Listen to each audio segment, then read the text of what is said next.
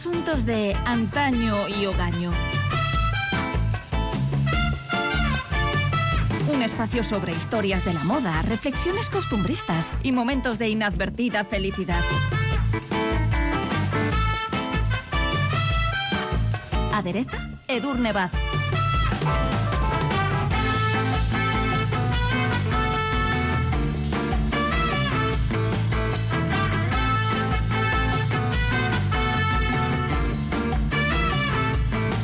Nuestro anterior episodio de Asuntos de Antaño y Hogaño iniciamos un recorrido por la historia del perfume, cuyos orígenes, como decíamos, podríamos remontar prácticamente a los orígenes mismos del ser humano, al momento en el que nuestros ancestros, al encender un fuego, descubrieron que aquellas maderas y resinas desprendían al arder agradables aromas. Se estableció a través de aquel primitivo humo fragante que ascendía hacia el cielo un vínculo directo entre lo terrenal y lo divino. Edurne Vaz, ¿qué tal? Hola. Hola, muy bien. Y todo esto se convirtió en una valiosa ofrenda. Ese fue el primer uso, digamos, que hicimos o hicieron nuestros ancestros del perfume y los aromas han gozado, de hecho, de una gran importancia en todas las civilizaciones y culturas a lo largo de la historia.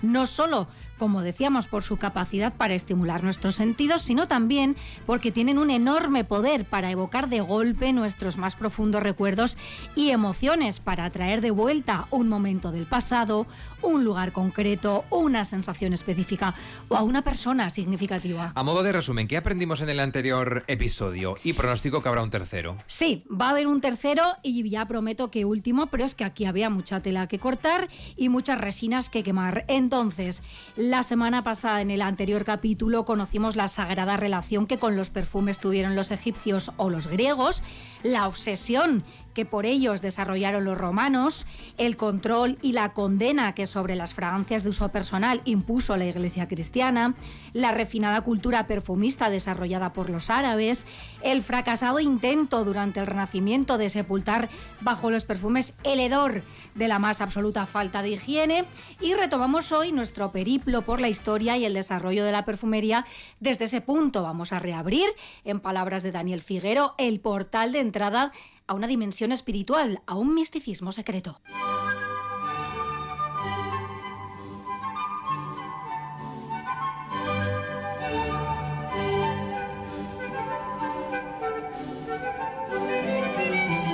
Y como adelantábamos en nuestro anterior episodio, en el siglo XII el rey Felipe II de Francia ya había reconocido oficialmente la profesión de perfumista y por extensión su actividad comercial reglada. Surgieron también entonces las primeras escuelas formativas de las que salían los conocidos como maestros perfumeros. Exacto, y Francia se convirtió en un absoluto referente del sector, como, dicho sea de paso, lo sigue siendo en la actualidad. Pero cabe señalar que también Venecia y Florencia fueron en su momento las capitales del perfume, pero como recoge el Atlas Ilustrado de los Perfumes, editado por Susaeta, posteriormente se fueron especializando más en innovadoras técnicas de envasado. Versalles, en particular, impuso en el terreno del perfume, como en otros muchos, sus modas y costumbres. No era como hoy ese toque final que uno añade a su rutina de acicalamiento diaria antes de salir de casa, era más bien la herramienta con la que se intentaba solventar o, en el mejor de los casos, enmascarar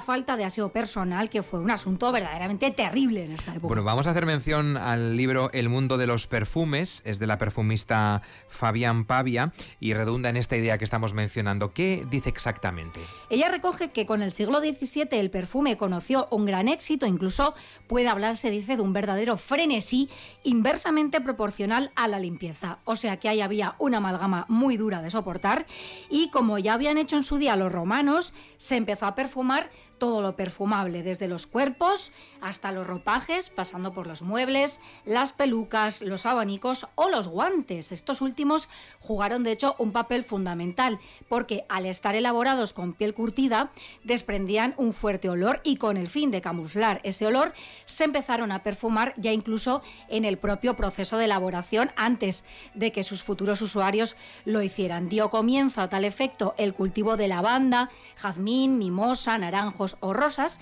y la ciudad francesa de Grasse, que era el lugar en el que se trabajaba la piel de los guantes, se convirtió así en el centro perfumista por excelencia que todavía en la actualidad sigue siendo. De hecho, se calcula que casi la mitad del impuesto sobre los rendimientos del trabajo de esta ciudad proviene de este sector industrial que supera incluso al turismo y los servicios. Es un sector importante. Sí, Grasse es muy conocida en particular por su labor em, perfumística, digamos, ¿no? Representa cerca de la mitad de la actividad francesa de la perfumería y los aromas y alrededor del 7 u el 8% de la actividad mundial, con sus grandes cultivos de jazmín, rosas o naranjos, destaca como productora y también gran conocedora de materias primas naturales de primerísima calidad. Bueno, y con todo esto que nos estás contando y lo que nos vas a contar de ahora en adelante, da la sensación de que el oficio de perfumista va adquiriendo con el paso del tiempo como otro estatus, ¿no? Como un nivel mucho más profesional. Sí, los perfumistas eran profesionales cada vez más cualificados que se servían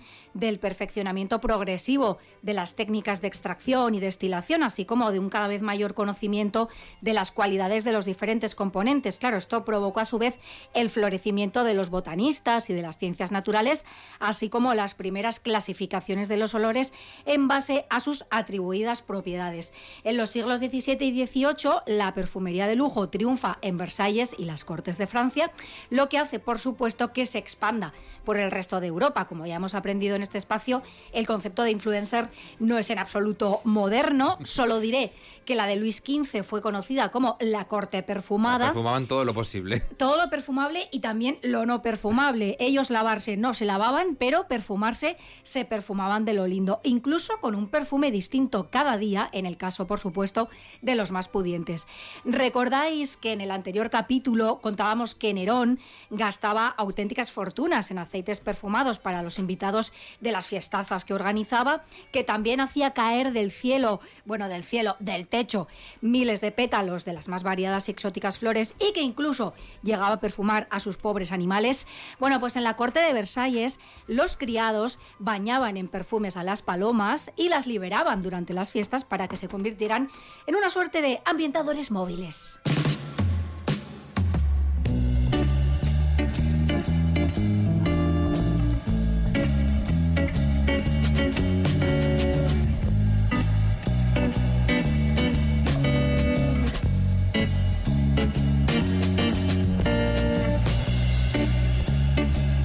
Si bien los ungüentos perfumados, las pomas de olor o los perfumes de base oleosa eran ya viejos conocidos, el considerado primer perfume con base de alcohol, es decir, tal y como lo conocemos hoy, fue el bautizado como agua de Hungría, elaborado precisamente para la reina consorte Isabel de Hungría.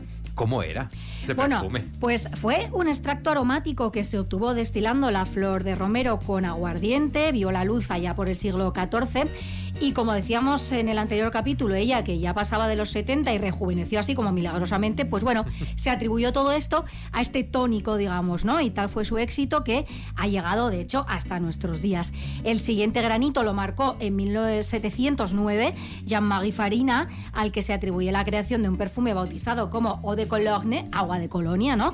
En honor de la ciudad alemana en la que residía. Del mismo modo que el agua de Hungría fue considerado el primer perfume con base alcohólica, este está considerado además el primer perfume comercializado. Farina, en una carta dirigida a su hermano, afirmaba, mi perfume recuerda una hermosa mañana de primavera después de la lluvia. Está hecho de naranjas, limones, bergamotas, flores y frutas de mi país natal. Me refresca mientras estimula mis sentidos y mi imaginación. Y no solo se disfrutaba de forma aromática, digamos, porque cuenta Fabien Pavia en el mundo de los perfumes que se consumía diluida en el agua del baño. Esto es muy raro. Claro, empiezan a usarlo pues para todo, ¿no? Con vino, con azúcar, como un baño bucal, para lavajes, contra las picaduras o en compresas, ¿no? Y con el éxito llegaron, por supuesto, las imitaciones que acabaron por conformar la categoría genérica de las aguas de colonia, ¿no? Hoy todavía populares entre los amantes de esos aromas más frescos y cítricos. Eso de las imitaciones ya viene de, de antaño, Un ¿no? clásico, por supuesto. Pero claro, hubo quienes se pasaron de frenada a la hora de copiar estos perfumes. Sí, se les fue un poco de las manos, ¿no? Por ejemplo, la familia Mullens que bueno, tuvo la osadía ¿no? de comercializar un perfume con el nombre de Farina, que era el creador del primer agua de colonia original, ¿no? Pues fueron obligados a retractarse, por supuesto, y rebautizaron su producto con el antiguo número de su casa, 4711, añadiendo, eso sí, sin recato, una coletilla que decía la verdadera agua de colonia, ¿no? Y este 4711 resultará familiar porque en efecto se sigue vendiendo, Y estas aguas de colonia, precedentes en este caso de los perfumes modernos, se convirtieron en objeto de deseo y por supuesto de lujo entre los más acomodados y relevantes hombres y mujeres del siglo XVIII, incluidos, solo faltaría, Napoleón y Josefina. Cuenta Fabien Pavia que la Revolución Francesa no había alterado en nada el gusto de la sociedad por los perfumes. Hasta hubo un aroma, dice, bautizado como perfume a la guillotina que es como, ¿no? el antiglamour. Totalmente, no sé, ahí lo tenían, un ¿no? tétrico esto, ¿no? Pues bueno, así se las gastaban. Y con el directorio volvió la gente a demostrar su inclinación por todos los productos de lujo, comprendidos los perfumes. Al fin, el imperio alentó grandemente la utilización de las esencias aromatizadas y continúa Fabien Pavia, Napoleón y su entorno fueron grandes consumidores de perfumes. Josefina, que había heredado de su juventud criolla una gran pasión por los aromas fuertes, fue apodada incluso loca del almizcle. Su tocador estaba tan impregnado de olores mezclados con almizcle, civeta, vainilla y ámbar que 70 años más tarde todavía se respiraban allí.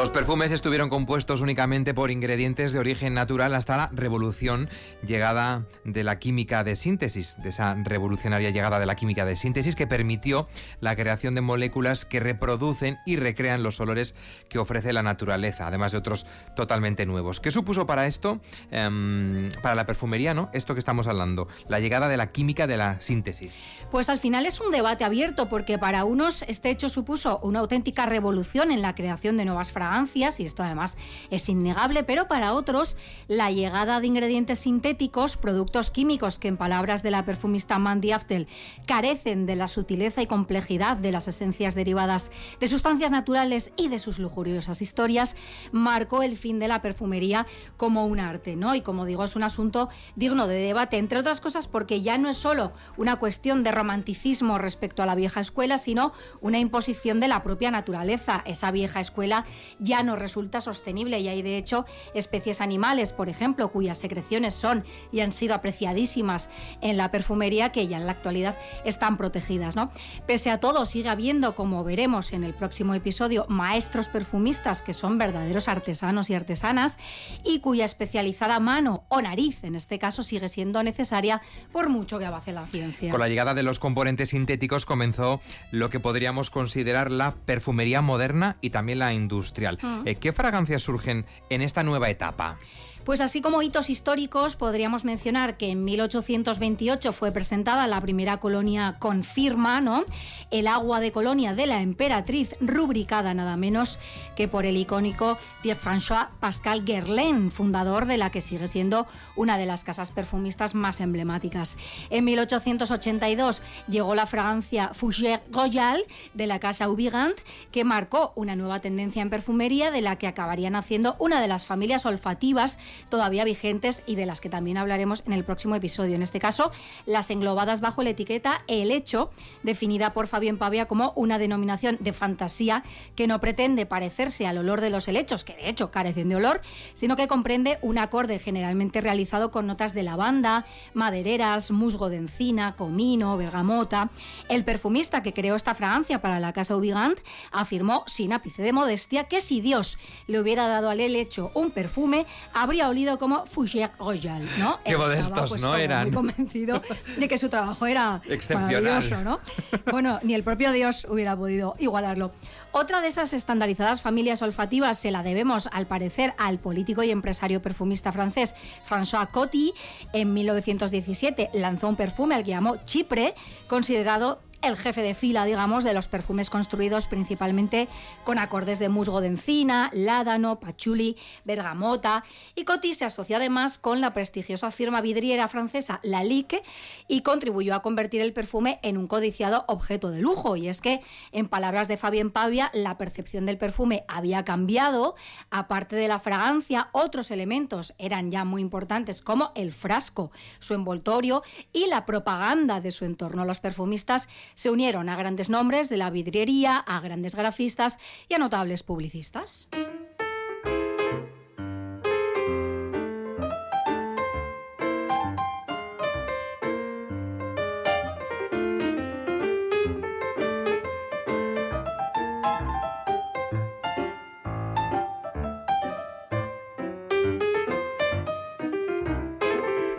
Seguimos avanzando en la historia del perfume, en estos asuntos de antaño y hogaño. Estamos en el episodio 2 de 3 que le vamos a dedicar.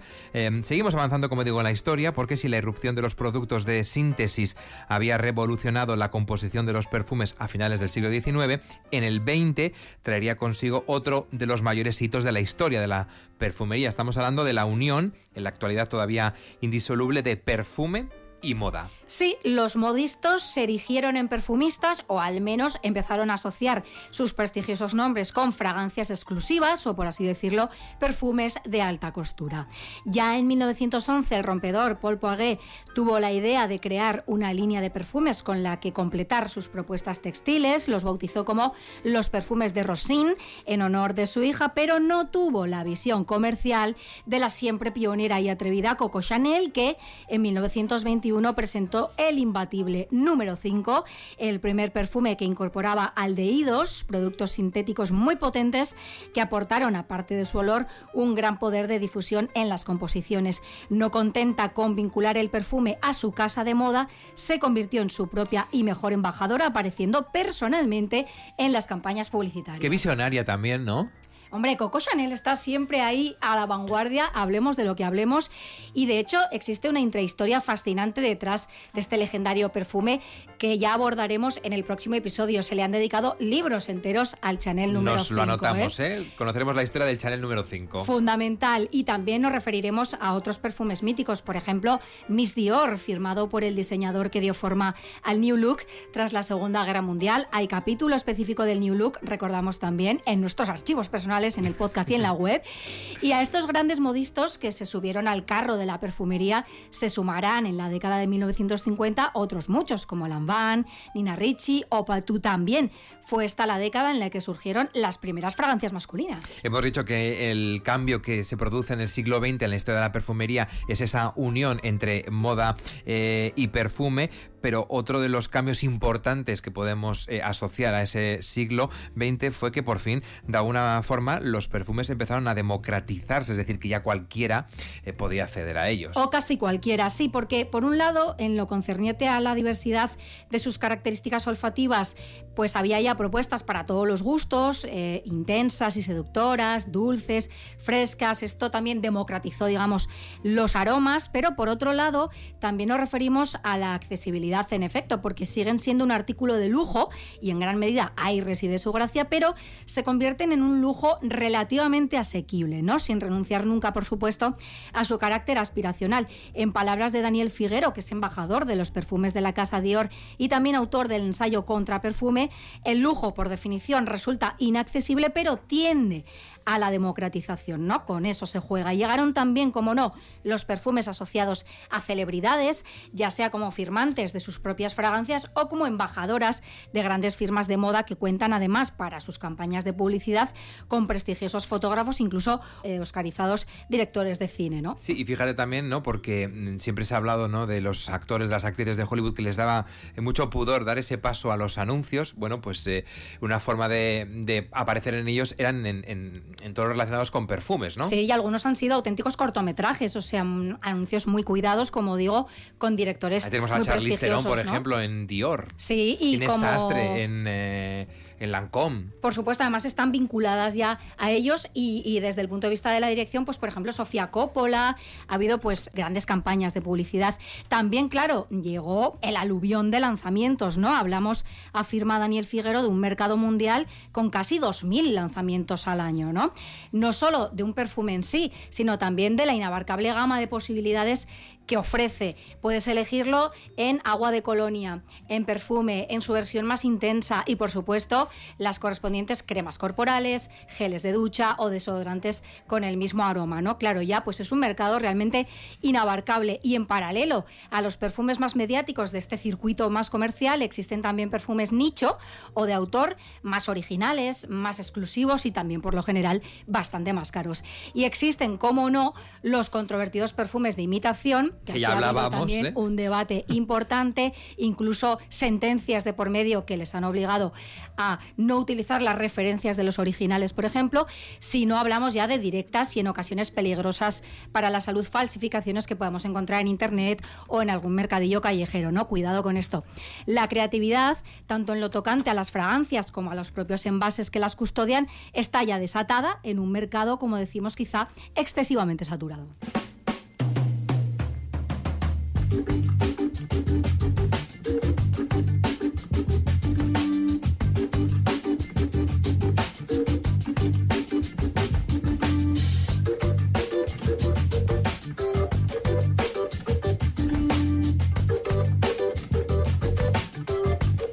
Vamos ya llegando al final de este episodio 2 de la historia del perfume en asuntos de antaño y hogaño, pero tenemos que hacer una mención a la Academia del Perfume. Nació en España en el año 2007 y está promovida por profesionales del sector y también por apasionados de las fragancias. Exactamente, con una labor importantísima de divulgación, organizan todo tipo de actividades y precisamente esa divulgativa información que recogen en su página web, de hecho, ha sido una valiosa fuente de información para poder elaborar también este espacio, así que os recomiendo que echéis un vistazo. Y existe también, como no podría ser de otra manera, pues una gran red de museos en el mundo consagrados a la historia de la perfumería, como por ejemplo la Osmotec de Versalles, que es una institución encargada de algo muy bello, que es reunir y preservar las creaciones de la perfumería mundial y en caso necesario incluso reconstruir la fórmula de los perfumes perdidos. Es precioso.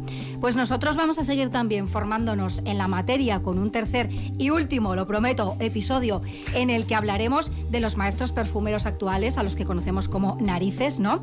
Y también de la intrahistoria de algunos de los más míticos perfumes de la historia, como decíamos, Chanel número 5, libros enteros dedicados a este perfume.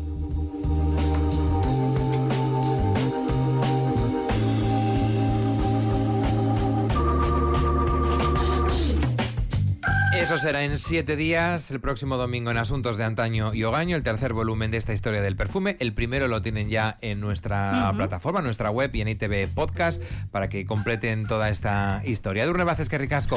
Agur. Agur.